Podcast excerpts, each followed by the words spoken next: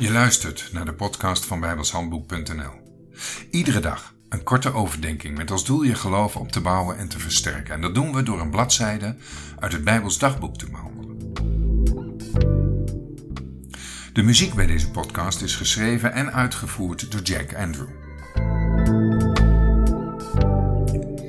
Het is vandaag 17 februari en we gaan naar het allereerste begin van de Bijbel. Genesis 1, vers 1 en 2. En daar staat: In den beginnen schiep God de hemel en de aarde. De aarde nu was woest en ledig, en duisternis was op de afgrond. En de geest Gods zweefde op de wateren. Er is in het boek Genesis maar één vers dat spreekt over de schepping van hemel en aarde, en dat is hier in Genesis 1, vers 1. Het idee dat in de volgende verse beschreven wordt hoe God deze schepping tot stand heeft gebracht, berust op een groot misverstand. De Bijbel vermeldt dit namelijk helemaal niet, omdat het voor ons waarschijnlijk niet van belang is.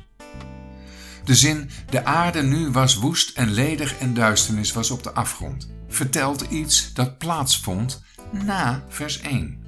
Dus na de schepping van hemel en aarde. Hier moet je misschien even aan wennen, omdat het je vaak anders geleerd wordt. Maar dat God eerst chaos zou scheppen en vervolgens in zes dagen de hemel en de aarde daaruit zou vormen, wordt nergens door de Bijbel gesteund. Deze leer is een oude Griekse leer, die ook in de dagen van de Heer Jezus bekend was en heel veel mensen beïnvloedde. Helaas ook veel christenen in hun interpretatie van Genesis. De Bijbel leert dat God geen chaos schept. Hij is een God van orde en niet van wanorde. De correcte vertaling van vers 2 is volgens mij dan ook als volgt.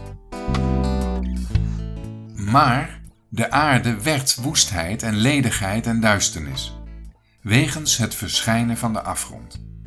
Wat hier vermeld wordt is geen vervolg van vers 1, maar het gevolg van een oordeel dat over de schepping is gekomen. We gaan nu niet in op wat deze verwoesting heeft veroorzaakt. Dat is een heel ander onderwerp en daar zijn we nu niet mee bezig.